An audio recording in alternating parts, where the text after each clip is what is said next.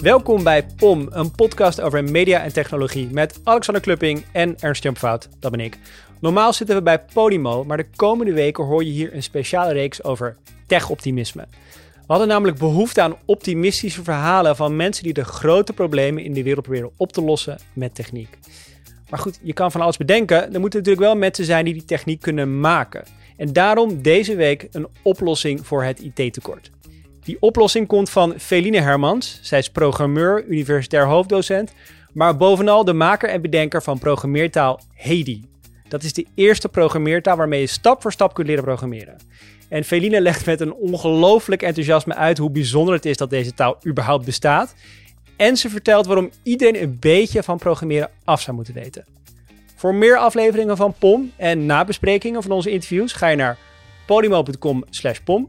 Maar luister nu eerst naar Feline Hermans met een oplossing voor het IT-tekort.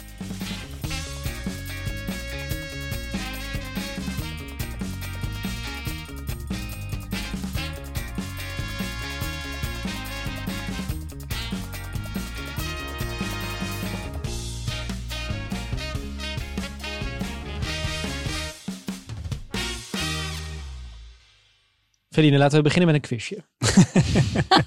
Spannend. Hoeveel openstaande vacatures denk je dat er in Nederland zijn in de IT-sector? Wij schrokken van dit getal, want wij wisten dit, wij wisten dit ook niet en uh, klapperden met onze oren. Hoe IT-sector is natuurlijk wel breder dan alleen programmeurs. Dan heb je ook over systeembeheerders en zo. Ja, nou, ja. Hoe is de gok? 100.000? In één keer goed, Feline, heel goed. Kanonnen. In Nederland. Ja, er komen elk jaar 5000 bij. Ja. Dus het tekort wordt ieder jaar 5000 groter. Ja. Dat is ook, zoveel leveren wij ook als universiteit en hbo's denk ik nauwelijks aan. Nee, nee. Nee. Dus dit is een probleem. Er is meer vraag dan aanbod. We kunnen de vraag niet aan als land.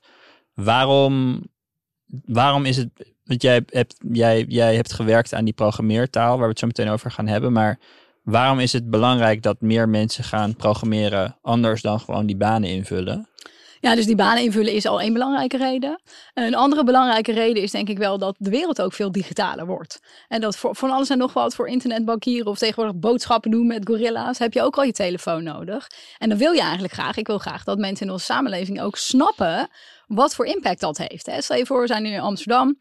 Amsterdam zegt, we zijn het helemaal zat met dat Airbnb. We gaan onze eigen Airbnb programmeren, Amsterdam B&B. Kan dat? Kost dat 10.000 euro? Kost dat een miljoen? Ja, dan weet je toch eigenlijk dat, dat onze burgemeester daarover kan redeneren. En dat mm. burgers dan ook zeggen, oh, maar dat is een redelijk plan. Of ja, nee joh, dat kan helemaal niet. Dat soort besluiten nemen samen als samenleving kan alleen maar als je toch een beetje verstand hebt van hoe moeilijk is het eigenlijk om software te maken. En hoe gevaarlijk is het en hoe moeilijk is het om iets te hacken. En dat basisbegrip, dat ontbreekt bij heel veel mensen. Dus het gaat niet alleen over leren programmeren om programmeur te worden. Net zoals als we kinderen op de basisschool en middelbare school leren schrijven. Dan willen we natuurlijk niet dat ze allemaal per se Agatha Christie worden. Daar gaat het niet nee. om. Het gaat erom dat lezen en schrijven in de samenleving zo belangrijk is. En dat je daarmee kan uitdrukken en dat je kan communiceren met elkaar. Dus dat is zeker voor mij ook een reden om me daar hard voor te maken. Los van het arbeidsmarktperspectief. Oh, dat is wel een goede eh, vergelijking. Dus zoals je in Nederland leert lezen en schrijven, omdat we in een zeer tekstgerichte samenleving wonen. De overheid communiceert met je via ingewikkelde brieven. Dus moet je ja, moet je textueel begrip hebben. Heb je programmeren dus ook nodig om goed te kunnen beoordelen hoe we in deze digitale wereld kunnen navigeren. Precies. Ja, Want wat voor denkfouten zie je nu dan besluiten. nou ja, dus bijvoorbeeld dingen als bij de Belastingdienst. Ja, hè, er moest uh, iets veranderd worden aan de belasting op benzine. Ja, dat moet dan drie maanden duren, geloof ik, voordat we dat hebben aangepast. Dan denk ik als programmeur, jongens, maar dat is één variabele, dat kan toch niet moeilijk zijn? Hmm. En dan wil je eigenlijk dat de hele samenleving zegt, maar dit kan niet. Wat jullie daar zeggen is totaal onredelijk. Nou ja, dan zit je verbaast je over het gebrek aan ophef hierover. Ja, bijvoorbeeld. En ook dat heb je altijd, dat, ik geloof dat C3000 heet, zo'n systeem bij de politie. C2000. C2000, jarenlang aan gewerkt. Ik weet niet hoeveel geld gaat er dan in. En dan zou je toch, zou ik willen dat alle burgers zeggen, ja, dit, dit, dit kan niet. Wat jullie daar geld in het putje smijten op die manier. Maar omdat het begrip van heel veel mensen zo laag is. En dat het zo abracadabra is voor heel veel mensen. Ik zeg, ja, ja, het zal wel heel moeilijk zijn met die codes en zo, hè, dat aanpassen. Ja, ja. Je aanname is dus dat als mensen een soort van basisvaardigheden programmeren hebben, dat ze ook uh, betere burgers worden, omdat ze hun overheid iets strenger in de gaten kunnen houden. Dat Ja. de, de, de ophefmachine middels de journalistiek pas kan ontstaan op het moment dat mensen basis, een basisidee hebben. Ja, misschien ook wel meer burgerinitiatieven. Hè, dus al de hele kleine dingen in je buurt, dat je denkt, hé, hey, maar ik vind het vervelend dat hier overal hondenpoep ligt, ik noem maar wat. Ja, dan kan je nu, wat kan je dan doen? Ja, dan kan je een boze brief sturen naar de gemeente. Als je een heel klein beetje kan programmeren, kan je ook zeggen, kom, we gaan dit probleem in kaart brengen. We gaan overal foto's van alle hondenpoep maken. En dan hebben we een soort data-driven manier om dit aan te pakken. Of kapotte lantaarnpalen of putdeksels. Als je een heel klein beetje kan programmeren, en daar hoef je echt niet heel veel voor te programmeren om zoiets te kunnen maken, kun je ook zelf data gaan verzamelen en delen met elkaar Ja. en daarover Je redeneren. ziet eigenlijk een soort agency erin. Op Ja. het moment dat je mensen leert programmeren, dan kunnen ze controle nemen over dingen Ja. waar ze daarvoor geen controle Ja, over hadden. zeker. Moet ik ook zeggen dat ik dat heel erg herken. Ik ben ook altijd Uit je eigen jaloers. jeugd. Ik ben jaloers op mensen die kunnen programmeren, omdat zij inderdaad een soort agency hebben Oh, ik dacht dat je over... anders ging zeggen. Wat dacht je dat ik ging Nee, zeggen? jij kan toch best wel met je HTML en CSS in elkaar klussen. Ja, maar... En ja, u bent toch begonnen vroeger als tiener jochie met een gadgetwinkel, omdat je die skills had. Dat heeft je heel veel Genoeg, agency gegeven. ja, genoeg skills om Ja. inderdaad dat... Goed, je, doet geen, je kan geen Python eh, Nee. schrijven.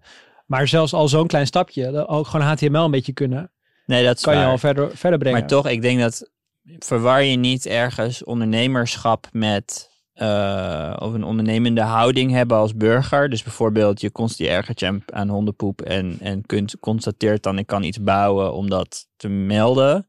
Verwar je niet ondernemerschap met kunnen programmeren. Nou ja, je moet iets kunnen programmeren om het überhaupt als een optie te zien om een app te maken. Ja, ja. Hè, dus stel je voor, je bent geïrriteerd over wat je ook maar vervelend vindt. Van hondenpoep echt een uitstekend voorbeeld. Hondenpoep, ja, ik erger me er zelf heel erg aan in mijn straat. Hè, maar dus als je niet kan programmeren en als je ook niet weet hoe je dat moet leren, dan is het eigenlijk het enige wat je kan doen, is een boze brief sturen. Dat, dan, dan houden je Ja. opties op. Ja. Hè, dus als je een ondernemer, een ondernemend gedachtegoed hebt en denkt, ik wil hier iets aan doen, wat zijn dan je opties? Dat. Als je ook kan programmeren, dan wordt gewoon de waaier van dingen die je zou kunnen doen groter. En soms is het zo, niet zeker niet altijd, maar soms is het zo dat met prog- iets programmeren je slagkracht ook groter wordt. Omdat je dus bijvoorbeeld data kan verzamelen of dingen met elkaar kan uitwisselen. Dus het is niet zo dat programmeren nou de, de enige manier is. En als je denkt, ik ga hier iets aan doen, heb je misschien meerdere dingen tot je beschikking. Je kan misschien ook nog eh, gaan demonstreren bij het gemeentehuis met een bord. Ehm, maar Vlaggetjes bij in de heel veel zetten. mensen eh, zit in die waaier, in, het, in de toolkit van dingen die ze overwegen om iets aan de wereld te veranderen. Of dat nou is in de kleine wereld om hen heen of iets heel groots zoals klimaatverandering. In hun gereedschapskist zit Hmm. niet, oh maar ik zou ook data analy- kunnen analyseren. Oh maar ik zou ook een website kunnen maken om mensen hiervan bewust te maken. Dat is niet iets wat veel mensen kunnen gebruiken. En daarmee missen we een stuk slagkracht. Maar je, je noemt dus eigenlijk twee dingen. Digitaal, we hebben het over digitale ongeletterdheid. Ja. Dus niet kunnen beoordelen wat een digitaal project kost of wat het inhoudt. Klopt. En een gebrek aan slagkracht. Ja.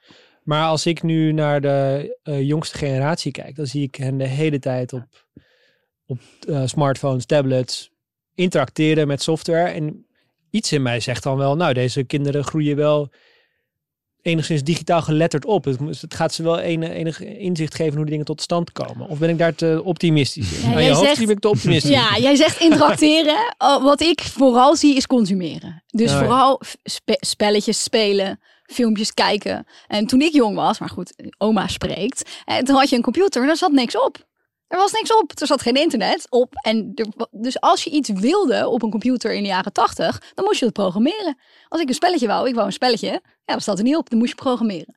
Dat is misschien wel helemaal het andere uiterste dan nu. Maar ik zie dus niet per se dat kinderen die nu opgroeien beter digitaal kunnen creëren. Sterker Ja, nog, als ze op een iPad zitten, dan is dat een tamelijk gesloten systeem. Wat best lastig is om iets op te programmeren. Dus Hmm. als we kijken naar bijvoorbeeld studenten die op de universiteit binnenkomen, dat die nu eigenlijk een veel lager begrip hebben, bijvoorbeeld zoiets als hoe dat bestandssysteem in elkaar zit. Hmm. Vroeger had je echt bestandjes en dan moesten wij dat organiseren in mapjes. Anders kon je nergens je geschiedenisverslag meer terugvinden. Dus dan kreeg je wel een beetje een beeld van, oh wacht, dit is het vak. En dan zet ik dat daar een beetje bij elkaar. Ja, nu pleuren ze het allemaal op Google Drive. Dan dacht ik, ja, waar staat je verslag? En dan typen ze verslag in. En dan komen, komen natuurlijk heel veel dingen om. En dan vinden ze het uiteindelijk wel. Maar dat idee dat daar dus iets achter zit wat een bestand is met een naam. En dat je niet twee bestanden mag hebben met dezelfde naam. Dat zijn dingen die gaan eerder achteruit dan vooruit. Omdat een iPad eigenlijk dat bestandssysteem Ja. van jou voor jou verbergt. Maar als je kijkt, oké, dat, dat, dat, dat bijvoorbeeld snap ik. Maar als je dan bijvoorbeeld kijkt naar TikTok, als je daar op het creatiescherm komt, Dan heb je een hele software suite eigenlijk tot je beschikking waar, waar ik hele jonge kinderen heel uh, makkelijk en soepel mee om zie gaan. En eigenlijk heel veel inzicht zie krijgen in hoe maak je een digitale productie. Ja. Als in dit geval een video. Ja. Dat stemt je niet optimistisch. Ja, Geen goede stap in de richting. Nou, dat is een goede stap in de richting, maar dat is natuurlijk nog wel videobewerking. En dat is nog niet per se ook omgaan met data en programmeren. En dat is, dus, het is zeker iets, Mhm. maar het is niet alles. En ergens is die metafoor van, van filesysteem naar een soort van vaag idee van cloud, Cloud. en dan Ja. zoeken. Is dat ergens niet ook een metafoor voor hoe het waarschijnlijk met programmeren zelf zal gaan? Namelijk dat programmeren uiteindelijk iets wordt wat zo gebruiksvriendelijk is dat je eigenlijk niks hoeft te leren. Dat je niet een taal hoeft te leren, maar dat het juist iets is wat ja, op zo'n manier in het, in, in het OS zit. Ik weet het eigenlijk niet, maar dat als we straks in gewone taal tegen computers kunnen praten, net zoals eh, ik, ik had van die voorbeelden gezien van dat je GPT-3 kan laten programmeren. Ja. Waardoor je kan zeggen, toon mij, een, toon mij een prototype van een scherm met een menuknop linksboven en een groot plaatje in het midden. En, bla, en dat hij dan daadwerkelijk de code schrijft om dat, om dat te doen. Is dat niet waar het überhaupt naartoe gaat? En, en heb je dan die agency niet alsnog, maar dan op een veel eenvoudigere manier? Gedeeltelijk wel. Dus er zijn hele coole projecten. Eén project, dat hebben jullie misschien ook gezien, dat heet GitHub Copilot. Dus GitHub is een soort, zeg maar, Facebook voor programmeurs waar ze codes opdelen. En op dezelfde manier als zo'n neuraal netwerk tekst kan genereren, kan het dus inderdaad ook codes genereren. Maar als je daar bijvoorbeeld intypt, ehm, maak, een, maak een inlogsysteem. En dan gaat hij alle codes doorzoeken. En heel veel inlogsystemen hebben wel security exploits. Dus dan wo- wordt er code gegenereerd die misschien helemaal niet zo veilig is. Dus voor een website met een paar knopjes en plaatjes misschien. Hè, maar zo gauw het iets gevoeliger wordt, eh, erf je ook al die bugs. Dus als je zo'n neuraal netwerk tekst laat maken, Nederlands of Engels, hè, dan doe je dat misschien twintig keer. En dan lees je dat zelf een beetje door. En dan denk je, hé, maar deze zin loopt niet. Nee, maar dit is niet logisch. Dus dat vergt nog wel een beetje menselijke pruning. En Ja. als je natuurlijk niks van programmeren weet, is het wel heel lastig om te zien wat daar staat. Dus we Dan denken ontbreekt het je aan de het juist... vaardigheden om te kunnen zien of dit Ja. wel goede tekst is. Maar als je doel is agency. Kijk, ik snap dat het niet programmeurs overbodig gaat maken. Dus die, die banen zullen er niet mee in gaan vullen. Maar als je, als je doel is agency, dan is dit deel gaat wel dichterbij komen, Ja. toch? Door dit soort, door dit soort tooling. De hele no-code beweging ook met Zapier. En, eh, dat, Ja, Zeker. Mendix. Ja, absoluut. Dus dat eh, Mendix, zo'n soort tool is al heel erg em- empowering. Stelt al niet-programmeurs meer in een bedrijfscontext in staat om iets te doen. Eh, maar ja, het is nog niet helemaal voldoende. Want het gaat vooral ook om weten dat je iets kan. Hè? Dus het gaat niet alleen om iets kunnen, maar ook kunnen blijven vertrouwen hebben dat je het Ja. zelf kan. Juist. En eigenlijk als het te makkelijk wordt, dat is eigenlijk wat je net ook zei eh, met eh, eh, die filesystemen. Op het moment dat het makkelijk wordt, dan heb je dus geen begrip meer van de onderliggende systemen. En daarmee ook nog weer dat gebrek aan agency. Oké, nou ik begrijp de, de, drijf, de drijfveer. Cool. Dan, en, maar dan nu, eh, Wat gaan we eraan doen? ja, wat gaan we eraan doen? Jij hebt een programmeertaal gemaakt. Klopt. Dat is best vet. Ik weet niet hoeveel mensen dat kunnen zeggen op de planeet. Nou ja, dus veel programmeurs maken wel eens een keer een eigen programmeertaal. Omdat ja, soms erger je aan dingen die zoals ze zijn. Denk je, oh, ik ga het verbeteren. Eh, maar veel van de programmeertalen die programmeurs maken, die worden niet gebruikt. En wat Hedy in mijn programmeertaal dan wel heeft, is dat we ook echt mensen hebben die het gebruiken. Dus dat kunnen misschien niet zo heel veel mensen zeggen. Nee, hoeveel mensen denk je dat dat zijn? Even om een idee te krijgen van hoe bijzonder dit is. Ja, er zijn zo een paar duizend Ja, programmeertalen. nou ja, god, op een planeet van eh, ja, toch wel een aantal miljard. ja. nou, nee, dat is best dat cool. Klopt. Dat is En waarom was het nodig, je eigen taal?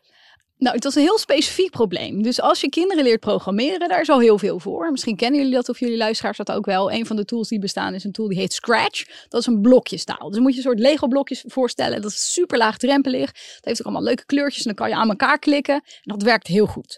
Dus in groep 5, 6, 7 gebruiken veel scholen in Nederland dat soort blokkentalen. En in de wereld ook. Dus dat gaat goed. Wat is zo'n blokje dan? We hebben bijvoorbeeld een blokje is eh, zet jouw naam op Alexander. Of een blokje herhaal dit vijf keer. Hmm. Of een blokje print deze codes uit. Of een, dat logo van Scratch dat is een katje. En dan kan je dat katje rond laten draaien. Of blauw laten knipperen. Juist. Dus dat zijn en een dan de- draaien is dan een voor. Draaien is dan een code. Ja, En dat is dan een voor. in- Dat is bijna een drop-down op, Ja, op zo'n blokje. echt een drop-down, ja. Oké. Dus je hoeft niks te typen. Je kunt het allemaal aan elkaar klikken. Ja, je Dus, sleept gewoon je blokjes sleept de aan blokjes bij elkaar. elkaar. Oké. Ja. Dus dat werkt heel goed. maar op een gegeven moment, groep 8, brugklasleeftijd, dan willen kinderen volwassen tools. Dat past ook echt bij die leeftijd van we willen niet wat ook groep 5 heeft. We willen grote mensen programmeertalen. Hmm. En, nou, en ik ging ook lesgeven in de brugklas een paar jaar terug. En toen dacht ik, nou, oké, als jullie grote mensen taal willen, geen probleem, dan gaan we Python doen. Python staat best wel bekend als een vriendelijke programmeertaal. Dus wij overstappen naar Python. Maar dat was eigenlijk heel moeilijk. Want als je in Python iets wil printen, of als je gewoon tekst op een scherm wil hebben, dan moet je print doen en dan moeten daar ronde haakjes omheen. Mhm. En aanhalingstekens, die moeten ook bij elkaar passen, anders gaat het niet goed. En dan loopt die vast. Dus die stap van die Lego-blokjes naar een textuele taal met al die punten en komma's, dat was te veel. En daar zagen we kinderen afvallen. Ja, je moest eigenlijk een soort grammatica je aanleren. Ja. En dat vonden kinderen gewoon doodvermoeiend. Ja, en heel veel ook tegelijk. Dus om je even een voorstelling te geven, stel je voor dat je iets vijf keer wil herhalen. Dan heb je dus bij, die, bij dat katjestaal, bij Scratch, doe je één blokje. En in Python, als je dat wil doen, dan moet je typen for i in range, ronde haakjes, daartussen vijf en dan een dubbele punt. Dan moet je naar de volgende regel gaan, twee spaties typen en dan print en dan ronde haakjes en een aanleidingsteken en dan hallo allemaal. Nou, sommige kinderen die waren nu, zoals misschien ook sommige luisteraars, de draad helemaal kwijt. Dus dat was een probleem. Dus die overgang, de stap naar een tekstgebaseerde taal was heel erg groot. En wat we ook wel zagen, dat verrast me heel erg, is dat ook dat Engels wel een drempel is. Dus niet alleen het Engels in die codes typen, maar ook de foutmeldingen zijn dan in het Engels. En dan staat er bijvoorbeeld name print not defined. Dan denk ik, nou ja, dat is wel duidelijk wat daar staat, maar dat is dan ook weer een drempel. En toen dacht ik, ja, iemand zou een programmeertaal moeten maken die net wat makkelijker is, die die punten en komma's eruit haalt en stapje voor stapje terug invoegt. Dus je begint zonder punten en komma's en dan bij ieder level zeggen, oké, nou nu focussen op de aanhalingstekens. Ja, ja. Hebben zoals, jullie die? zoals Duolingo begint met Juist. hele simpele woorden en dan over tijd steeds hogere levels bereikt eigenlijk. En zoals eigenlijk ook taal doen, hè? dus in groep drie begin je ook niet met een Nee. schikkende bijzin. Nee. Dan ben je al blij als we gewoon letters kunnen. En dan zeg je Ja. na een tijdje, oh die letters horen bij elkaar met woordjes en dan komt er punt op het einde van de zin. Dus je wilde het gat tussen Lego blokjes en Python wilde je overbruggen met een eigen programmeertaal. Zeker. En hoe begin je dan? Hoe begin je als maker van een Ah, zo'n taal. programmeertaal? Ja, want dan heb je dus Hoe je, maak je een je programmeertaal? hebt, je hebt de, pro- je hebt de Heb je probleemanalyse gemaakt. En eh, blijkbaar komt er dan bij jou op, dan doe ik het zelf wel. Ja, dat is wel precies die agency die ik dan heb, die ik Ja. andere Ja, mensen ook gun. goed voorbeeld, Ja. zoals ik net zei. en, is heel grappig, want heel veel mensen vragen dus aan mij van, ja, maar was zo'n programmeertaal er dan nog niet?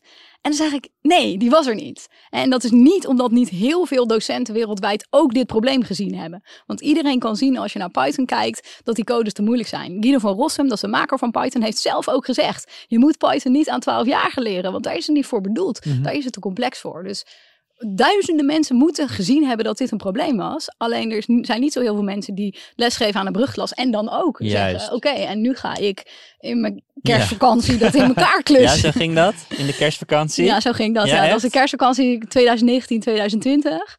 Ehm, eh, mijn, eh, mijn partner was een paar weken naar het buitenland voor zijn werk. Toen dacht ik zo, nu gaat het niet met mijn stoel. En dan ga ik tot diep in de nacht ga ik aan dat eerste prototype werken. Ehm, en dat was heel klein. Hè? Dus we hebben nu eh 18 verschillende talen. En we hebben een mooie user interface. En dat is goed getest op verschillende 18 platformen. talen. Dus Eh, Frans, 18 Duits- levels. Oh, Ja, zo, dus ieder, ieder eh, level voegt iets toe. Dus in het begin heb je nog helemaal geen punten en komma's. En dan komt er een aanleidingsteken bij en dan een haakje bij. Dus al die verschillende levels die langzaam opbouwen naar Python. Maar ja, toen hadden we drie verschillende levels. En dus het begon heel klein als een soort prototype. En langzaam wordt dat dan uitgebreider en uitgebreider. En je zegt, ik begon te schrijven aan die taal. Betekent dat dan dat je eigenlijk eh, in level 1 neem je allerlei dingen, neem jij als maker van de taal, eigenlijk neem je allerlei dingen aan als een kind iets typt. En dat is wat het makkelijker maakt, toch? Je maakt eigenlijk een soort snelkoppelingen in de, in de tekst. Ja, zo kan je dat wel zien. Dat we eigenlijk achter de schermen, dus dat kind typt dan gewoon print hallo allemaal. En dan achter de schermen voeg ik die haakjes toe en voeg ik die aanhalingstekens toe zonder dat het kind dat ziet. En dan wordt dat opgestuurd naar Python. En is het complexer om dit te maken dan dat je voordat die kerstvakantie begon, jij aannam? Ja, zeker. Ja, en dat moet ook wel, denk ik. Als ik had geweten hoe complex het werd, Was dan was ik al niet aan begonnen? begonnen. Nee, het Nee? is nu helemaal, helemaal uit de hand gelopen. Waarom dan? Ehm, nou, dus een van de dingen die het nog veel complexer had gemaakt dan ik toen kon overzien, is dat we uiteindelijk ook het hebben mogelijk gemaakt om echt in verschillende natuurlijke talen te kunnen programmeren. Uh, en dan maakte ik dat in het begin in het Nederlands en in het Engels. En dat was niet zo lastig. En daarna kwam daar Spaans bij. Dat was ook nog niet zo lastig. Maar op een gegeven moment wouden ook mensen dat dan in het Grieks. En dan heb je al andere letters nodig. En dat Mm. was al vrij complex. Um, en toen wouden ook mensen het in het Chinees gaan vertalen. En inmiddels is het ook in het Arabisch vertaald. En dat was wel een hoofdpijndossier. Want dan moet dus ook alles andersom. En die hebben heel veel rare karakters. De halve wereld kan hier nu al gebruik van maken. Qua Ja, taal. zeker. Dan We hebben inmiddels. Arabisch, Spaans, Engels en Chinees. eh, simplified Chinese. Dus dat is, is heel veel. En dus dat was een complexiteit die ik niet had overzien. Omdat ik nog nooit iets had gemaakt wat niet in het Engels of Nederlands was. En als je daar nooit over nadenkt, dan weet je niet hoe fijn dat is. Maar als je al je hele user interface rechts naar links moet maken. En andere nummers en andere letters geschikt moet maken. Dus dat was een complexiteit. Je had niet op die kerstavond voorzien dat het heel complex zou zijn om een taal te schrijven die de hele wereld zou kunnen Ja. Ja, en ook wel trouwens de complexiteit van de taal die de hele wereld ook aan het gebruiken is. Ja, nou fantastisch. Dus op een gegeven moment, in, nog vrij in het begin, was er een bootcamp in Zuid-Afrika met 600 leerlingen. Die deden altijd Python en die gingen over op, eh, op Hedi. Maar ja, het staat gewoon gratis op internet. Dus je hoeft mij niet te vertellen dat je dat gaat doen. Eh, maar dat was misschien nog handig geweest, want we hadden nooit getest of er 600 kinderen tegelijk konden inloggen. ja, dat kon niet. dus dan poef de server eruit. Dus op een gegeven moment denk ik, wat is hier nou aan de hand? Ja, op een gegeven moment ja, gaan ze natuurlijk mailen en zeggen, goh, de website is stuk. Ja, zoveel traffic hadden we niet op berekend. Dus dat is natuurlijk nog een ander soort complexiteit. Het verschil tussen, ik ben wetenschapper, ik werk niet voor een softwarebedrijf, tussen een prototype maken van, kijk zo, dit Ja. doet het, staat op internet, garantie tot aan de voordeur. En een product wat nu echt ook klassen eh, aan het gebruiken zijn. We zien nu voor het eerst ook, omdat we nu voor het derde schooljaar live zijn, scholen die terugkomen. Dus een docent had vorig jaar vijf klassen en nu heeft hij weer vijf groep zevens vers. En dus dat zijn mensen die echt in hun lesprogramma opnemen om een aantal weken of maanden in het schooljaar heden te gebruiken. Dat vergt ook een bepaald service level, waar ik ook even aan moest wennen. Want mijn andere prototypes die ik op internet had gegooid, werden niet echt heel veel gebruikt. Maar je noemt nu een aantal punten, namelijk vertaald in het Arabisch. Eh, op een gegeven moment werd het op een bootcamp door 600 kinderen tegelijkertijd gebruikt. Meerdere nieuwe klassen die erbij komen. Geef ons een inkijkje van hoezeer dit uit de hand is gelopen na die, na die, na die kerstvakantie. Waar, waar staan we nu? Wat is de... Ja, dus een aantal statistieken waar ik heel trots op ben. We zijn in 27 verschillende talen beschikbaar.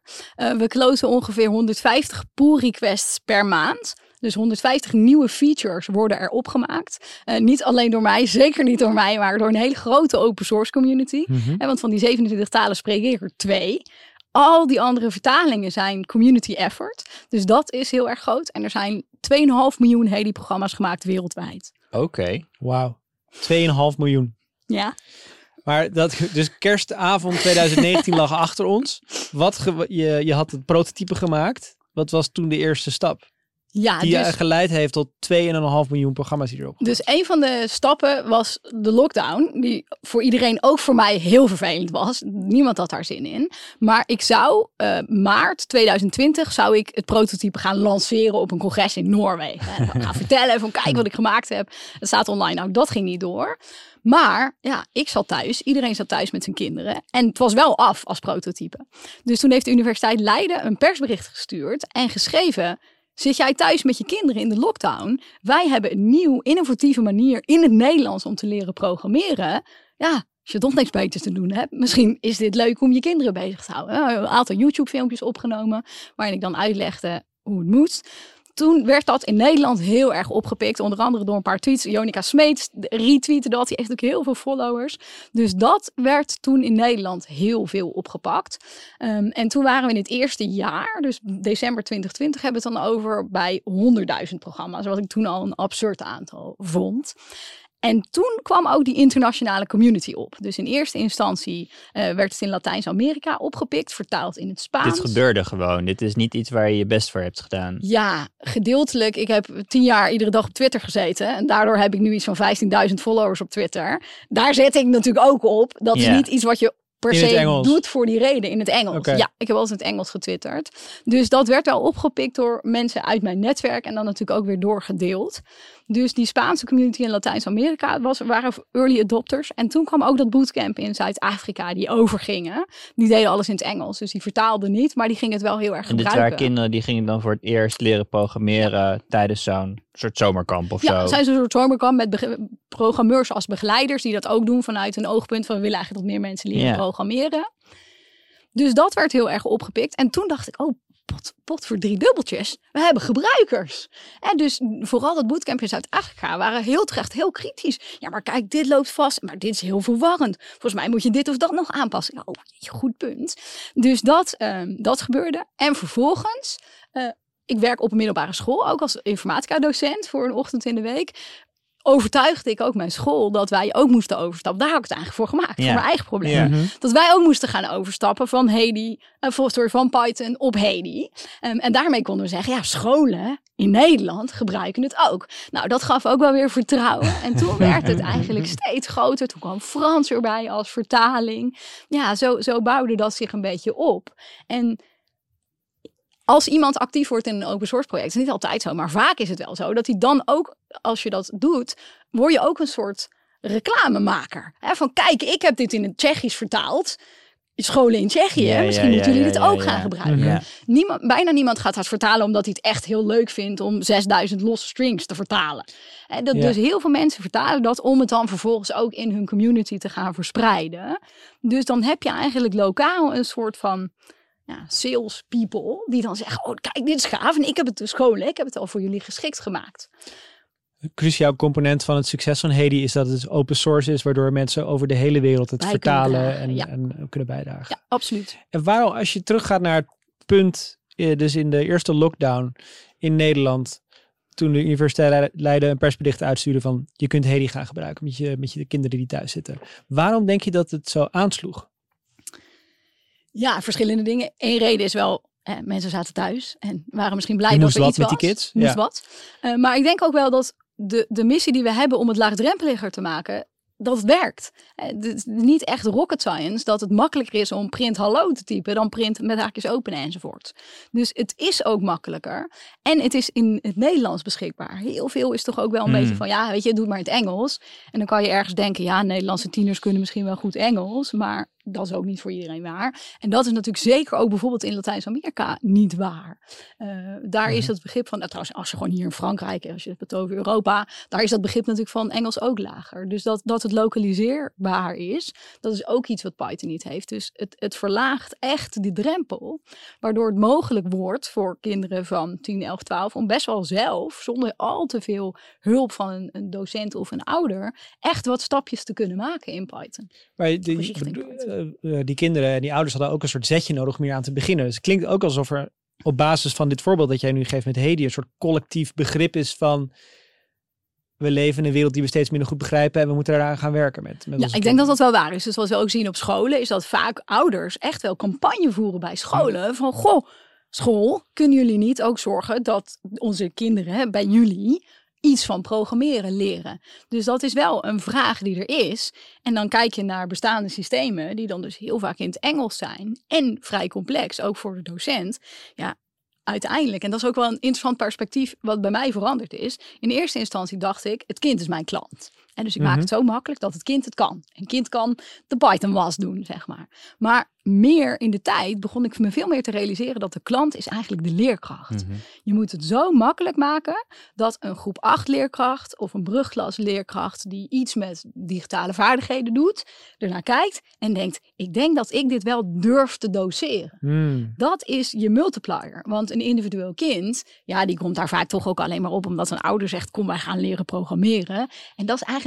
Dat is mijn probleem niet. Want als je een ouder hebt die naast jou gaat zitten, dan kun je met z'n tweetjes, kom je ook wel uit Python. En want dan zeg je als ouder steeds, let op het haakje, oh ja, oh ja. En maar zo'n hele klas, dat schaalt. En dat zijn kinderen die je anders niet bereikt.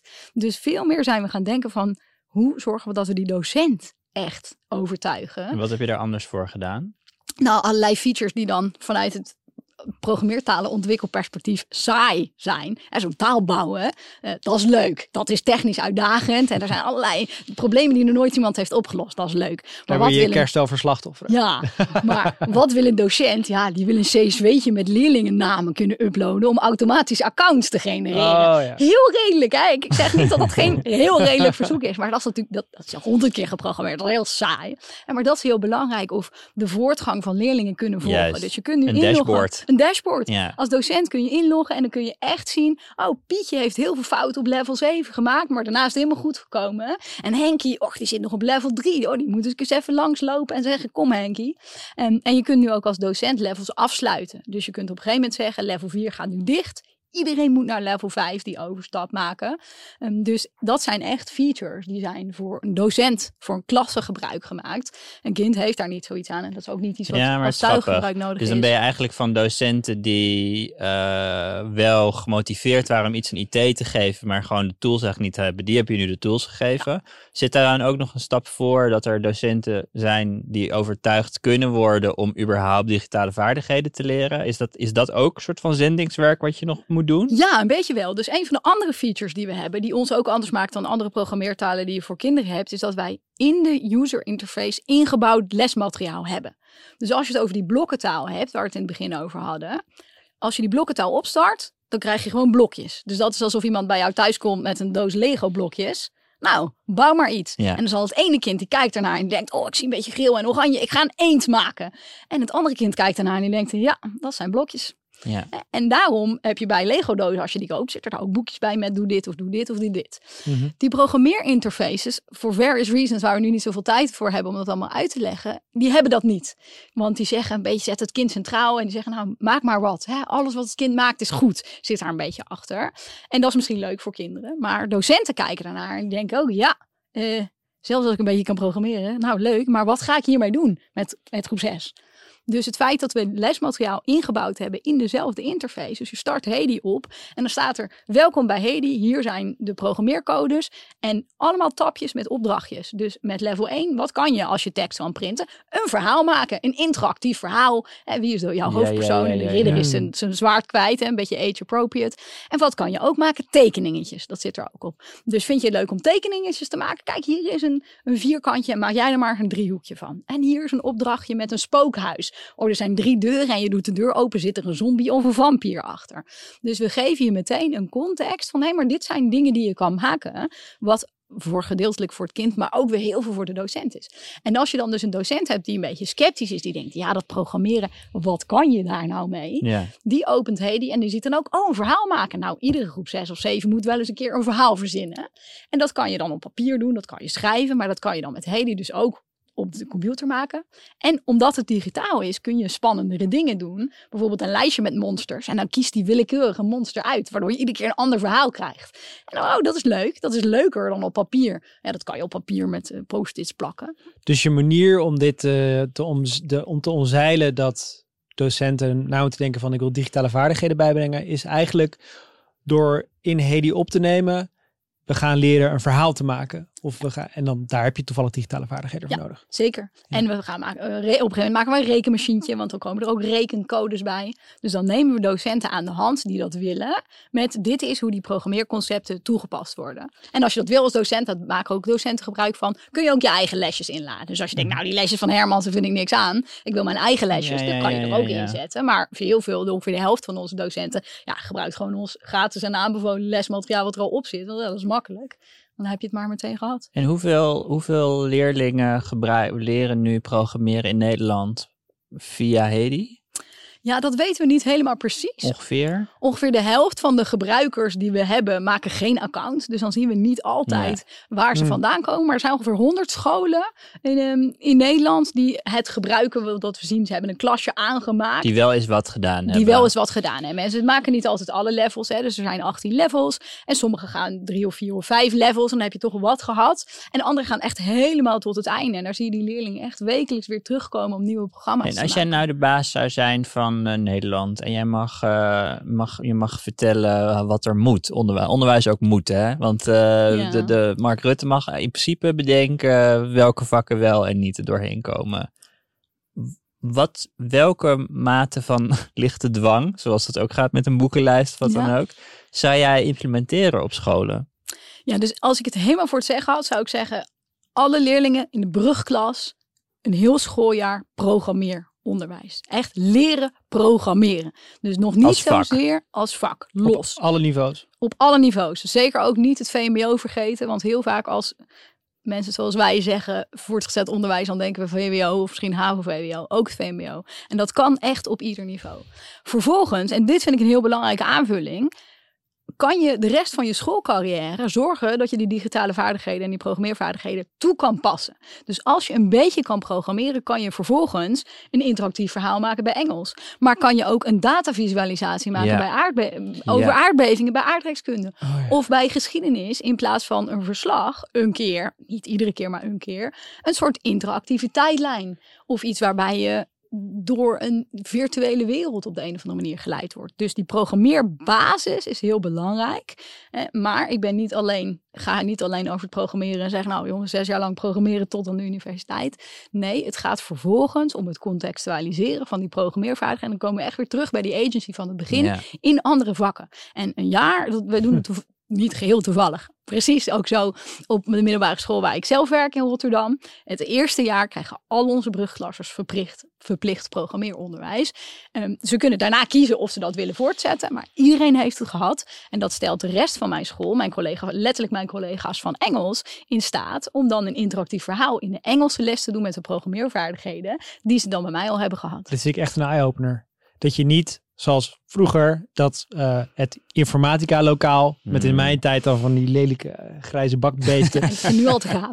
ja, dat je daar leert programmeren bijvoorbeeld, maar dat het een vaardigheid wordt die door het hele onderwijs in elke, elke les terug kan Ja, komen. maar dan wel leunend op een kennisbasis die ze dan toch wel van onze informatici krijgen. Het moet, je moet in het lokaal beginnen, maar uiteindelijk... Precies, want je ja. kan niet van collega's van geschiedenis of Engels verwachten dat ze die basisvaardigheden aan kunnen leren, maar ze kunnen ze wel prima inzetten. Wat kun je na een jaar, na een jaar zulk onderwijs krijgen in de brugklas? Ja, dus bij ons lopen ze het HEDI leertraject door en kunnen ze, zijn ze dus op het einde bij Python. Die kunnen gewoon In een Python. jaar? Ja, in een schooljaar, ja. Dus die 18 levels doorloop je in één jaar. Dat kan je in één jaar doorlopen. Ja, dus wij zeggen ongeveer eh 1 à 2 lesuren per level. Dus als je 40 Per week. we- ja, dus als je 40 weken hebt Huh. in een schooljaar eh, en je hebt iedere, iedere week één uur. En dan heb je dus twee uur per HEDI level. En dan ben je prima door die Gaat trajectory. ook doen. Kan ik Ja. Python Kan het is gratis? Want als de, stel, eh, dus een kind heeft een jaar lang Hedy doorlopen en dan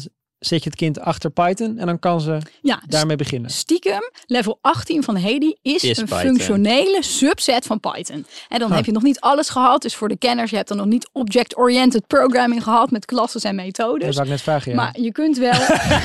nee, maar wat is was dat? jou voor. Nee, nee, nee, wat is dat? Ja, dus object-oriented programming is een manier om grote stukken code te organiseren. Dus je kan je voorstellen als je heel Hmm. veel codes hebt, dus zoals in een boek heeft ook hoofdstukken en paragrafen. Ja. Heeft ook niet alle zinnen achter elkaar. Ja. Dus object-oriented programming is een manier om die codes een beetje manageable te maken. Voor, voor leken kun je het beste vergelijken met een boek opdelen in hoofdstukken en paragrafen. Het zijn die blokken eigenlijk weer. Ja, maar dat is heel geavanceerd. Dus dat doen we niet. Maar wat kinderen dan wel kunnen, is de basisbegrippen van programmeren. Dus dat is invoer en uitvoer. Iets kunnen printen en de gebruiker om invoer kunnen vragen. Condities, dus de if-then-else hebben veel mensen wel eens van gehoord. Mhm. Van, Mhm. is het getal positief of negatief? Of heeft de ridder wel of niet zijn zwaard te pakken om de draak te vangen?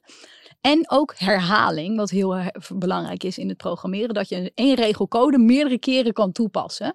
Dus die basisbegrippen, dataopslag, invoer, herhaling en condities hebben ze dan allemaal al gehad bij ons op het einde van de brugklas. En wat zie je dan... Sorry, jij wilde Nee, ga. Wat zie je dan in de praktijk aan, ehm, aan hoe, hoe kinderen dat dan vervolgens gaan toepassen in de rest van hun leven of in hun schoolcarrière? Wat, wat zie je dan gebeuren nadat je kinderen hebt geleerd in de brugklas programmeren? Want het is theorie dat ze het dan ook bij Engels gaan gebruiken voor de lol. eh, omdat ze zelf het initiatief nemen om, een, om een virtueel verhaal te maken. Nou, dat zeggen wij niet hoor, dat ze zelf dat initiatief moeten nemen. Sommigen doen dat wel. En maar wij zeggen vooral ook dat onze collega's, en daar zet, zet ik me ook voor in, dat collega's het ook gaan Ja, toepassen. dat blijven collega's gaan zeggen, eh, we gaan nu een verhaal maken op de computer in plaats van in, in een Word document eh, statisch. We gaan het levend maken. Maar je Dus- blijft Hedy gebruiken gedurende je school tijd. Nee, eh, dus na de brugklas kunnen ze gewoon overstappen op Python. En blijven ze, kunnen ze dat toepassen juist in Python. Omdat het een soort langzaam pad is naar Python. En vervolgens, dat is eigenlijk ook wel het mooie. Hè? Ja, ben je bij Python.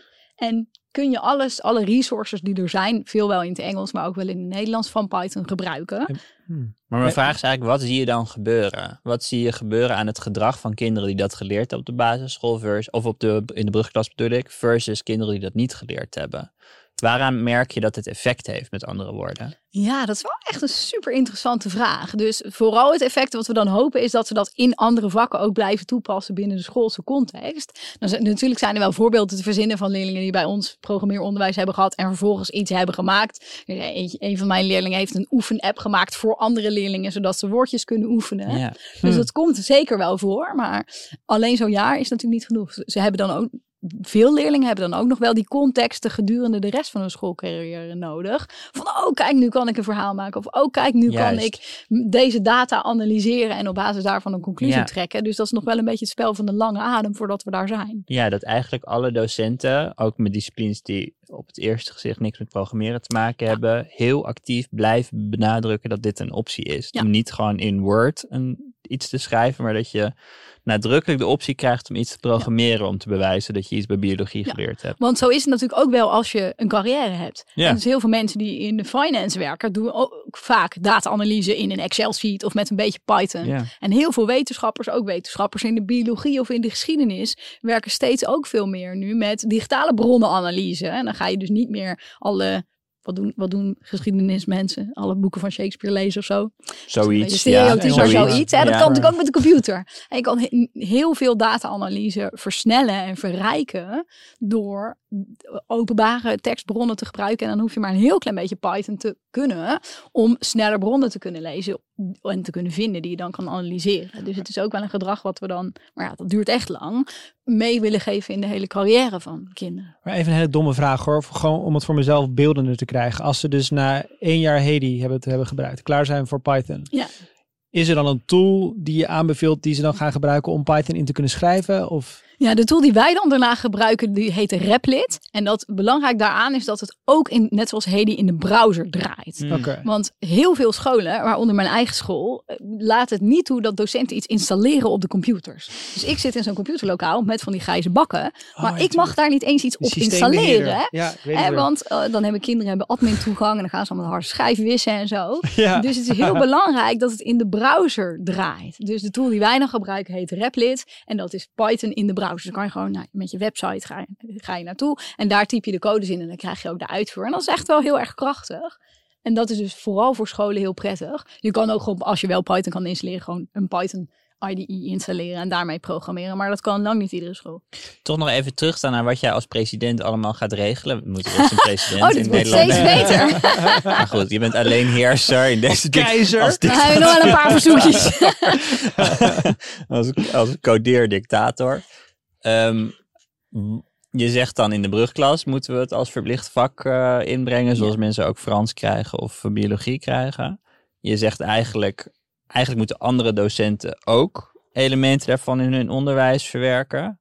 Wat, uh, wat nog meer of is het hiermee genoeg? Programmeren voor. Ja, dus dit is wel het onder de 18 verhaal. ik zeg ook voor de helderheid niet dat jij dit allemaal moet fixen, maar ik wil, je mag ook dictaten uitdelen als dictator zijn natuurlijk. een paar decreten. En dus dit duurt wel heel lang. Dus mijn leerlingen die nu in de brugklas in de tweede zitten, ja, tegen de tijd dat die al bij de uh, beroepsgroep aangekomen zijn, dat duurt nog wel even. En heel veel daarvan zullen er ook niet voor kiezen, maar die worden dan misschien bioloog met een beetje softwarekennis. Dus er is natuurlijk ook nog heel veel potentie in alle mensen die nu al een baan hebben, om die ook wat digitaal vaardiger te maken. Dat is lastiger, want die zitten niet in de stramien waar je ze heel makkelijk kan vinden. Maar als je echt iets wil doen, dan zul je toch ook wel je moeten richten op populatie die nu iets anders doet. Ja, en hoe doe je dat als minister-president? Weet ik toch niet. Daar ben ik toch niet van. Ik kan alleen maar codes niet. De kinderen heb je opgelost. nou, nou, die volwassenen nog. Hoe krijgen we die aan programmeren? Ja, ik denk dat het wel heel interessant is. Want we krijgen steeds wel meer, meer vragen hoor. Ook, ook vanuit Hedy, eh, rondom Hedy. Van ja, maar is het dan ook geschikt voor mensen die al werken? Ja, in principe wel. Kijk, de voorbeeldjes zijn een beetje kinderachtig met de is zwaard kwijt. Maar het langzaam in stapjes mensen naar codes krijgen, is wel iets waar, wat voor alle leer, lerenden goed is, ook voor volwassen lerenden. Dus we zitten wel eens voor de grap in ons team te zeggen, ja, misschien moeten we een soort Hedy senior hebben, Mhm, wat ja. dan niet voor daadwerkelijk senioren is, maar gewoon voor 18-plussers. Eh, met voorbeelden die meer gaan over, eh, nou, ik zoek een bepaald artikel in de NRC, eh, welke keywords moet ik dan doen en dat je dan een beetje door, door een tekstje heen zoekt met een klein stukje Python-code. Ehm, dat is wel iets waar we wel eens over nadenken, wat wel heel gaaf zou zijn. Want ik denk dat een van de grootste blokkades is toch wel dat mensen van programmeren denken dat het heel lastig is. Ja. En dat geldt zowel voor kinderen als ook voor ja, volwassenen die niet informatica hebben gestudeerd of die niet kunnen programmeren. Ze denken echt dat als ik aan het programmeren ben, dat is een soort van die matrix-codes, weet je wel, die alleen maar de meest geniale breinen kunnen snappen. Terwijl, ja, we accepteren ook niet dat mensen niet taal of rekenen goed beheersen. Programmeren is wel lastig, maar lezen is ook heel lastig. Ja. Het is echt onredelijk als je een kind Ja, van vijf ja, of zes opvoedt. ja. Dan weet je dat onredelijk hoe moeilijk het is om te lezen. Ja. En dat we echt kinderen kunnen gaan van k, naar gewoon huppatee een artikel scannen. Dat is ook heel moeilijk. En daar krijgen wel iedereen mee. Dus we moeten ook, als ik dan toch wel de baas ben van de hele, dan de Ja. hele tent, ook gewoon echt iets aan marketing doen. Hè? En uitleggen dat programmeren echt iets is wat iedereen kan. En dan moeten we ook denk ik een beetje als programmeercommunity hand in eigen boezem. Want ik zelf ook zeker vroeger, maar veel mensen nog, gaan er ook een beetje prat op dat het heel moeilijk is. Ergens, zal ik eerlijk toegeven, vinden we het ook wel lekker. Lekker die terminal fullscreen, Ja, zwarte achtergrond, toch- letters. Maar, maar wij zijn ook een beetje de chosen ones, weet Ja, je wel? ja, ja. Wij beheersen de machines. Ja. En jullie gewone mensen gebruiken ze alleen Ja. maar wij. En je mag me niet storen, ik ben bij noise cancelling headphone. Maar dat, ja, dat Hier is komt wel frustratie naar boven bij project, project manager Ja, en zo het is wel een beetje zo. Dat programmeertalen zijn vaak echt super complex. En veel complexer dan nodig. En, en heel veel programmeurs eh, vinden dat dus eigenlijk ook wel leuk. En die, die, er zijn zelfs, dat kan je bijna niet geloven. Maar er zijn zelfs wedstrijden voor zo idioot mogelijke programmeertalen maken. Die zo complex mogelijk zijn. Dat is een hele subcultuur. Dat heet ESO-langs, Esoteric Languages. Mensen het echt leuk vinden om programmeertalen te maken die alleen maar met punten en komma's zijn. Dat het zo moeilijk mogelijk is. Of er is een programmeertaal die heet dan OEK. Want dat is het geluid wat een, wat een gorilla maakt. Oek, oek, oek. En dan kan je met alleen maar OEK-commando's programmeren. Ha, ha, ha, ha. Weet je, maar dat is ook heel leuk. Maar daar gaat echt heel veel energie in. En er, dat, maar dus als je erover nadenkt, er waren heel grapjes over bij. Ik geef een college in Leiden over het ontwerp van programmeertalen. Dat er dus echt honderden van die idiote oek-oek taaltjes zijn. Maar er zijn nauwelijks programmeertalen die in het Arabisch toegankelijk zijn. Ja. Of nauwelijks programmeertalen die goed toegankelijk zijn voor mensen met een visuele beperking. Ja. En want dat is helemaal niet zo leuk. Ik heb een programmeertaal gemaakt in het Arabisch. Dat is heel veel werk. En dat is eigenlijk heel ondankbaar technisch werk waar, waar niemand onmiddellijk die jij kent misschien plezier van heeft. En zo'n gorilla taaltje, dat is leuk joh. Maar Dus zou dat is ook je- lastig. We moeten ook- dat omarmen dat iedereen dit kan. Het is niet speciaal voor de breinen van de samenleving. Iedereen kan een beetje code. Ja, maar misschien is het ook belangrijk om mensen aan hun verstand te peuteren dat het een probleem voor ze kan oplossen. Ja. En zoals Ja, je met kinderen zeker. met lichte dwang en dan vervolgens, nou ja, dat is onderwijs toch? Niet moeilijk over doen. wel. En dan maak je het leuk door bijvoorbeeld zombies en vampiers erin te verwerken. Kan ik me voorstellen dat je zoietszelfde ook zou kunnen doen met mensen die, ja, wat is nou een goed voorbeeld? Mensen die, eh, weet ik veel, een eh, uitnodigingen willen versturen voor een verjaardag. En Ja. dan willen sorteren op mensen die, eh, weet ik veel, hebben aangegeven dat ze alleen vegeta- vegetarisch eten willen. Ja. Ik noem maar iets geks. En ehm, dat als je inzoomt op verschillende doelgroepen, dat het dan misschien lukt om daar opdrachten bij te verzinnen. Ja. Is het idee van open source eh, in, in jullie geval ook dat mensen die niet kunnen programmeren, maar wel wat van marketing weten bijvoorbeeld, dat die ook op die manier kunnen bijdragen? Ja, zeker. Dus sommige van onze vertalers bijvoorbeeld zijn niet programmeurs, maar vertalen. Ja. Alleen. Ja. En dus als er mensen zijn die denken, hey, ik zou het heel leuk vinden. eh, ik werk bij een grote scholengemeenschap en ik zou wel voor jou willen helpen met mijn collega's helpen om dit te implementeren. Daar is zeker ook in, open, in onze open source project zeker ook wel ruimte voor. En ook andere open source projecten die wel groot zijn, hebben vaak wel mensen in dienst die weet je, een goede website maken. Of Juist. social media. Ik doe nu alles zelf. Weet je, ik maak onze website. Ik zit op onze Twitter. Uh, er is best wel ruimte voor mensen die daar mee willen helpen. Ja, absoluut. Goeie vraag. Maar En- is, het, is het nu makkelijk? Dus stel iemand wil, wil inderdaad een lespakket maken voor, weet ik veel, Montessori school, ik noem maar iets geks. En die willen dan dat soort van gebruik wat jullie allemaal hebben, maar daar een soort van pakketje van maken, zodat een, een leraar echt kan beginnen met stap, helemaal stap 1, heb ik überhaupt een computer nodig of weet ik veel. Is, is daar nu een ingang voor of moet eigenlijk iemand dat nog typen? Nee, nou, je moet wel het lesmateriaal dan typen. Maar Ja. je kan dus je als docent inloggen met een docentenaccount en dan je eigen lesmateriaal klaarzetten. En je zou dan Ja, natuurlijk ja. ook voor je collega klaar kunnen Juist. zetten. Hmm. Ja, absoluut. En als er natuurlijk speciale wensen zijn, stel je voor een grote scholengemeenschap zegt ja, maar wij willen dit of dit erbij, anders kunnen we niet gebruiken. Ja, dan kunnen we altijd kijken wat we mogelijk kunnen. Soms denk ik maken. wel, er zou een basisinkomen moeten zijn in Nederland voor dit soort, om bij te dragen aan dit soort projecten. Ja. Dus dat je een soort van geaccrediteerde projecten hebt, zoals Hedy. En dat mensen die goed kunnen vertalen of wat dan ook de vragen zijn die jij hebt. Want je hebt heel veel, in principe, jobopenings. ja.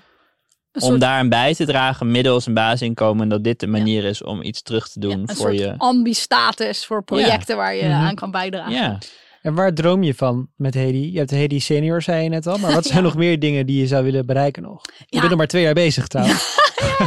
Ja, ja wij zitten ook nadenkt. Meer, meer, meer, meer. Honderd Nee, ja. scholen over de hele wereld. Wat komt er nog meer? Ja, nee, echt wel. Soms denk je wel van, kan het, kan het ook wat minder? Ja, Heb je tijd om te dromen überhaupt? Ja, nou, soms niet. Maar ja, dus wat, je, wat ik echt wel hoop is dat scholen het gaan oppakken. En wat we nu veel zien, en dat is ook echt heel goed hoor, maar zijn degenen die het doen, dat zijn informatica-docenten.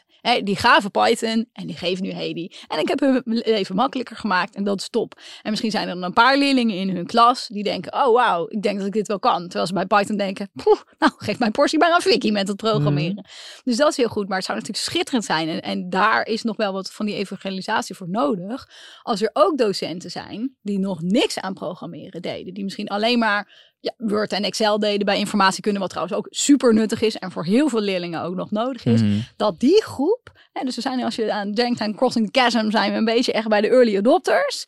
Echt die stap maken dat docenten denken, oh ik zou wel eens iets met programmeren willen. Die dat nog niet doen. En dan denken, nou dat Hedy, ik denk dat ik dat wel kan. Ja, dat zou natuurlijk echt de, de schaalvergroting geven. Want dan ga je klassen niet wisselen van Python naar Hedy, maar van niks naar. Hedy en dan uiteindelijk naar Python. En wat is er voor nodig om daar te komen? Ja, dus wat ik zeg, niet zozeer meer de technische veranderingen, maar echt de evangelisatie, echt naar docenten gaan, die, die ook dat beeld hebben van programmeren, dat zijn die matrixcodes en dat kan ik helemaal niet. Hè? Dat lukt mij niet. Ik kan dat zelf niet. En dan zijn ze soms misschien ook bang dat hun leerlingen er dan meer van weten. Dat ze naar heden kijken en denken, ja, dit, dit kan mij lukken op een manier dat ik zelf ook het gevoel heb dat het goed gaat. Zijn er snap. mensen die hun inkomen kunnen verdienen aan Hedy? Ja, in principe zou dat kunnen. Dus wat bijvoorbeeld met zo'n blokken scratchtaal gebeurt, is dat daar ZZP'ers zijn. Dat is ook open source trouwens. eh, dat er ZZP'ers zijn die workshops geven aan scholen Juist. met die blokkentaal. Oh ja. Eh, dus niets in onze licentie verhindert mensen om Om naar scholen eigen te bedrijf gaan. omheen te bouwen. En te zeggen, goh, ik ga die workshops geven en scholen betalen daarvoor. Sterker nog, ja, wij hebben de slagkracht natuurlijk niet om workshops op scholen te geven. Dus we zijn aan het kijken hè, of we dat misschien met partners kunnen regelen. Dat zou Dan natuurlijk heb je geen subsidie. Is niemand van de overheid Nee, die we hebben een subsidie. Ja, zeker. Nee, we hebben nu, dat, die loopt wel bijna af. Dus we hebben eh 120.000 euro gekregen van een fonds wat speciaal gaat om ehm, wetenschappelijk onderzoek naar de maatschappij te brengen. Speciaal beta-onderzoek naar de maatschappij te brengen. Daar hebben we een, een financiering voor gekregen. Waardoor we een aantal programmeurs in dienst hebben die meehelpen. Vooral heel het erg lijkt met me de toch dat hier goede doelen voor in de rij staan. Ja, wat zou je doen met de miljoen? Een van de dingen die we nog heel graag willen, wat technisch complex is, is zorgen dat het ook offline werkt. Dus nu heb je Hmm. altijd internet nodig, want we sturen de Hedy-codes op naar de server en dan krijg je je Python-codes terug. En we zijn toevallig bezig met een non-profit in Afghanistan. Die zeggen, ja, internet, dat hebben wij één keer per week als we een beetje mazzel hebben. Dus een systeem maken waarin je het kan downloaden en dat het dan helemaal lokaal draait, dat is technisch vrij complex. Dat is een van die dingen, als ik had geweten dat het heel groot werd en ik was er toch aan begonnen, had ik het anders geïmplementeerd. Veel meer client-side dan server-side. Dat, dat is iets wat complex is, want dat vergt een ander soort architectuur dan we nu hebben. Maar dat is ook wel weer een heel ander soort dan hè, in Nederland scholen overtuigen om het te doen. Dat is een markt die nu het niet kan gebruiken omdat het daar niet goed voor geschikt is. Dat is wel iets wat we echt nog heel graag zouden willen. En offline Kamerleden belobbyen? Om, om mij een ja, miljoen om te gewoon. geven. Nou ja, god, dat miljoen Ken jij denk nog ik. iemand? Ja, ik snap eerlijk gezegd niet waarom eh, dat miljoen er niet al lang is. Want het klinkt zo logisch voor de Ja. economie, onder andere. Maar het belobbyen van Kamerleden dat dit ook daadwerkelijk iedere, iedere school die iets met IT doet, dat die vervolgens dit onder een neus geduwd krijgt. Zo van, ga Nou, dit gelukkig geven. is daar wel een beweging. Dus dat speelde net ook al voor corona om echt dat digitale geletterdheid verplicht te maken. Eh, de laatste berichten zijn dat dat er nu wel aan gaat komen. Dus dat de bovenbouw van het basisonderwijs en de onderbouw van het voortgezet onderwijs verplicht iets moet doen aan digitale geletterdheid. Als dat gaat gebeuren, wat we allemaal heel erg hopen, dan zal dat een push geven. Want Ja. als iets moet, Ja. ja. dan moet Hebben het. ze ook software nodig of een, een lespakket En nodig? hebben ze ook iemand nodig die dat doet. Hè? En dan is er misschien een Engels docent die opstaat en zegt: Oh, ik denk dat ik dat wel kan. Of een vader of moeder Mhm. uit de IT die denkt: Nou, hè, ik heb dat programmeren, programmeren gezien. Ik ga één of twee dagen in de week op die scholen werken. Dus dan krijg je een, een vraag van mensen. En dan krijg je inderdaad ook de vraag: Ja, wat doen we dan? Ja, als je graag iets in het Nederlands wil doen, wat heel veel scholen natuurlijk willen.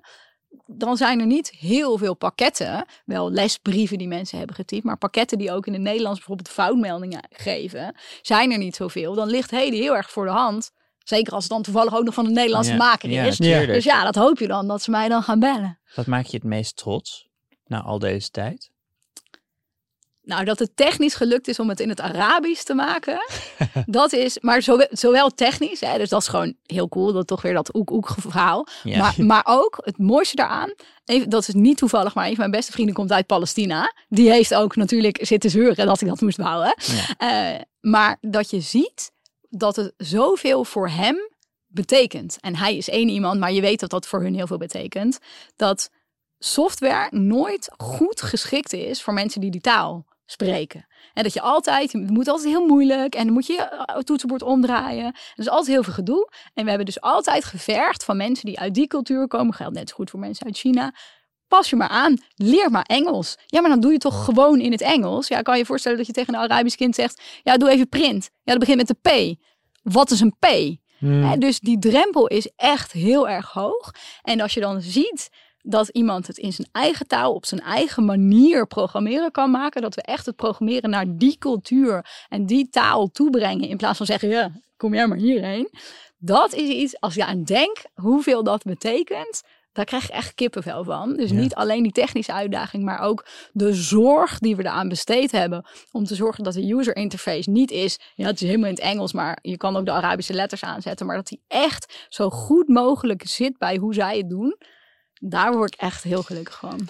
Dit is een reeks over tech-optimisme. Ik word wel heel optimistisch van jou, vriend. Cool, daar ben ik blij om. Heb je contact gehad met Guido van Rossum, de, de, degene die Python heeft uitgevonden? Ja, hij heeft begin maart heeft hij op Twitter gezet dat hij Hedy gezien had. En dat hij het echt een ontzettende coole en innovatieve manier vindt om Python te doseren. Dat is leuk om te Nice. zien. Dat was heel leuk. Waar komt de naam eigenlijk vandaan, Hedy? Super goede vraag. Hedy is genoemd naar Hedy Lamar. En zij was een Amerikaanse filmactrice. Dus als je haar zo ziet uit de jaren 30 van de vorige eeuw. Weet je, met zo'n heel erg mooi jaren 30 kapsel. Dus zij was een actrice, maar ook een uitvinder. Zij heeft een algoritme uitgevonden dat heet frequency hopping. En dat zit ook in je wifi router. Als een bepaalde frequentie vol is, dan gaat dat signaal naar een vrije frequentie hoppen. Eh, dus ten eerste vond ik haar gewoon een supergoed rolmodel. Want als je nu nog steeds, 100 jaar later, een foto van haar ziet, dan denk je, dat is geen uitvinder. Hè, dan denk je niet dat dit, dit is ook een engineer met een schroevendraaier in de achterzak. Dus dat is een heel mooi rolmodel. En ook het leuke is dat frequency hopping, dan als het vol is, dan hop je naar het volgende level. En Dat is ook wat Hedy doet. Vandaar. 18,5% van de mensen in IT is maar vrouwen. hè? Ja, I know. Dus ook daarom moet je een vrouwelijk rolmodel, Ja. vond ik dat heel Ja. mooi als naam hebben. Ja. Dat is echt Heb je een iets in Hedy probleem. verwerkt waardoor het toegankelijker is voor iedereen? Of wa- was software of programmeertalen zo gebouwd dat het, gebouwd dat het toegankelijker is voor mannen dan voor vrouwen? Ja, ik denk dat dat wel waar is. Omdat, niet omdat de meisjes niet kunnen programmeren, maar wel omdat het jongens hebben veel vaker voorkennis van programmeren. Want ja, vaders brengen hun zonen naar programmeerclubs Mm. en Mm. moeders en meiden niet. En dat is gewoon een patroon. En meisjes hebben vaak op hele jonge leeftijd al het gevoel dat programmeren niet voor hun bedoeld is. Mhm. En er is onderzoek naar gedaan. Meisjes zo jong als zes, zeven jaar oud zeggen: Oh, programmeren, nee, dat kan ik niet. Ik vind dat niet leuk. Hm. En dan zeggen: Heb je wel eens gedaan? Nee.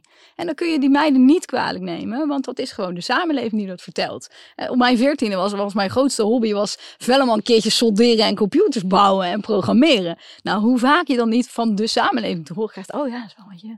Wat je raar dat je dat zo leuk Mhm. vindt. Dan wil je echt naar TU Eindhoven om informatica te studeren. Dus meisjes hebben vaak lagere voorkennis en lager zelfvertrouwen. Je kan je voorstellen dat als die codes heel ingewikkeld zijn en als we op het standpunt staan, ja, leer maar gewoon die punten en komma's, dat kinderen met lager zelf, ze- zelfvertrouwen en lage voorkennis veel eerder denken, jeetje, dit is moeilijk. Hè? Dat sommige, sommige vaders zeggen het gewoon tegen hun dochter. Oh, programmeren is wel heel moeilijk. En met dat gevoel komen ze in de programmeerklas. En dan vergeten ze één haakje sluiten. En dan loopt dat ding helemaal vast. Dan denken ze, ja, chips. Weet Zie je wel. Papa had gelijk. Hmm. Dit is ook heel moeilijk. Terwijl jongens die veel vaker rolmodellen zien. en Al die bekende programmeurs zijn ook allemaal jongens. Die denken, oh, dat is wel moeilijk. Maar ik ben het kind. Ik zie eruit als, Mhm. ik voel mij als een kind die dit kan leren. Dus ik zet door. Ja. Dus het is niet zo dat we expres iets erin bouwen, waardoor het niet toegankelijk is voor meisjes. Maar het is wel zo dat die cultuur heel erg gemaakt is door mensen, ja, survivor bias, zoals heel veel vakgebieden. Van die mensen die die punten en komma's wel hebben le- geleerd. En die het misschien eigenlijk wel leuk vonden dat het zo cryptisch was. Ja, die lui hebben allemaal de heersende programmeertalen gemaakt, waar heel veel gekke randjes op zitten. En hun antwoord is dan, ja, ja leer maar. Terwijl dat eigenlijk vanuit een technisch perspectief, dan zie je ook aan Hedy, helemaal niet hoeft. Maar ja, weet je, waarom zou je het heel geschikt maken voor andere mensen dan voor jouzelf? Veel mensen maken een programmeertaal om hem zelf te gebruiken. Ja, dan is Ja. het, als je het zelf maakt, is het altijd heel logisch. Het is zomer, mensen hebben de tijd. Als ze willen bijdragen aan Hedy, als je docent bent, maakt niet uit welk vak je geeft. Kijk hoe je Hedy kan toepassen. Eh, wat hebben we nog Je meer? kan ouder zijn en ambassadeur zijn bij de school. Om Zeggen, de school te zeggen motiveren. docent, ik zal jou helpen. Ik kom de eerste paar lessen bij jou zitten. Dan doen we het samen. Dat helpt enorm. Als je filantroop bent. Kan je ook aan ons doneren. Oké. Ja, we hebben zeg een maar, donatie. hoe? Ja, we, hebben, we zijn een. eh, eh, de universiteit heeft een fonds. Dat heet Leids Universitair Fonds. En de website is steunleiden.nl. En daar staat Hedy ook op. Dus als we show notes hebben, kunnen we een linkje opnemen. Dan kunnen mensen. We zijn ambi. Kunnen mensen aan ons aan Hedy doneren als ze dat willen. Daar zijn we heel blij mee.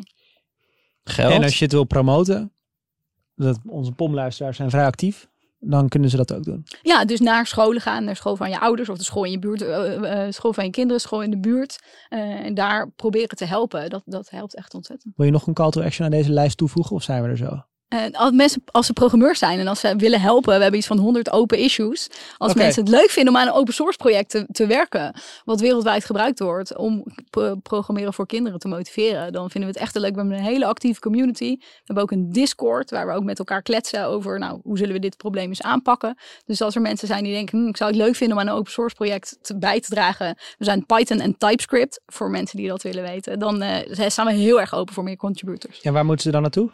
We zijn op GitHub. GitHub, eh, ook gewoon Hedy. Het allermakkelijkste, alle linkjes bij elkaar zijn te vinden op feline.com slash Hedy. Daar staan alle links naar Steun Leiden, naar de GitHub, naar de website. Dus dat is de one-stop shop als je ons wil helpen. Vrienden, je verdient een standbeeld. Eh, en eh, dank dat je hier wilde zijn vandaag. Nou, zo inspirerend tref je hetzelfde bij POM. Met Alexander Klupping. En er is een fout. Ondanks dat we zo'n fantastisch team hebben dat ons zo goed aanvult. Bianca Schijf voert de redactie, vindt dus mensen als Feline bijvoorbeeld. Eh, en ze doet ook de opnameleiding. Bot Jellema is onze audiotechnicus. POM is een onderdeel van Pomperium, wat een onderdeel is van podcastnetwerk Dag en Nacht Media, wat een onderdeel is van Podimo. En onze huisstijl is van Verve, de Tuner Voor nu vruchtvlees. en Miemaker is geheim. We gaan lekker afteren. Ja, ik kom te after. Wij moeten napraten hierover, want mijn lijf staat op ontploffen. Dus dat hoor je zo meteen. Hij staat op ontploffen. ik wil heel graag hierover napraten met jou Ernst. Oké. En met jou Bianca. Ik durf niet en dit meer. gaan wij doen. Nee, die vieze after. Luister naar die lekkere after. Het is zweterig. Luister naar de after in Podimo. En anders, tot volgende week. Volgende week.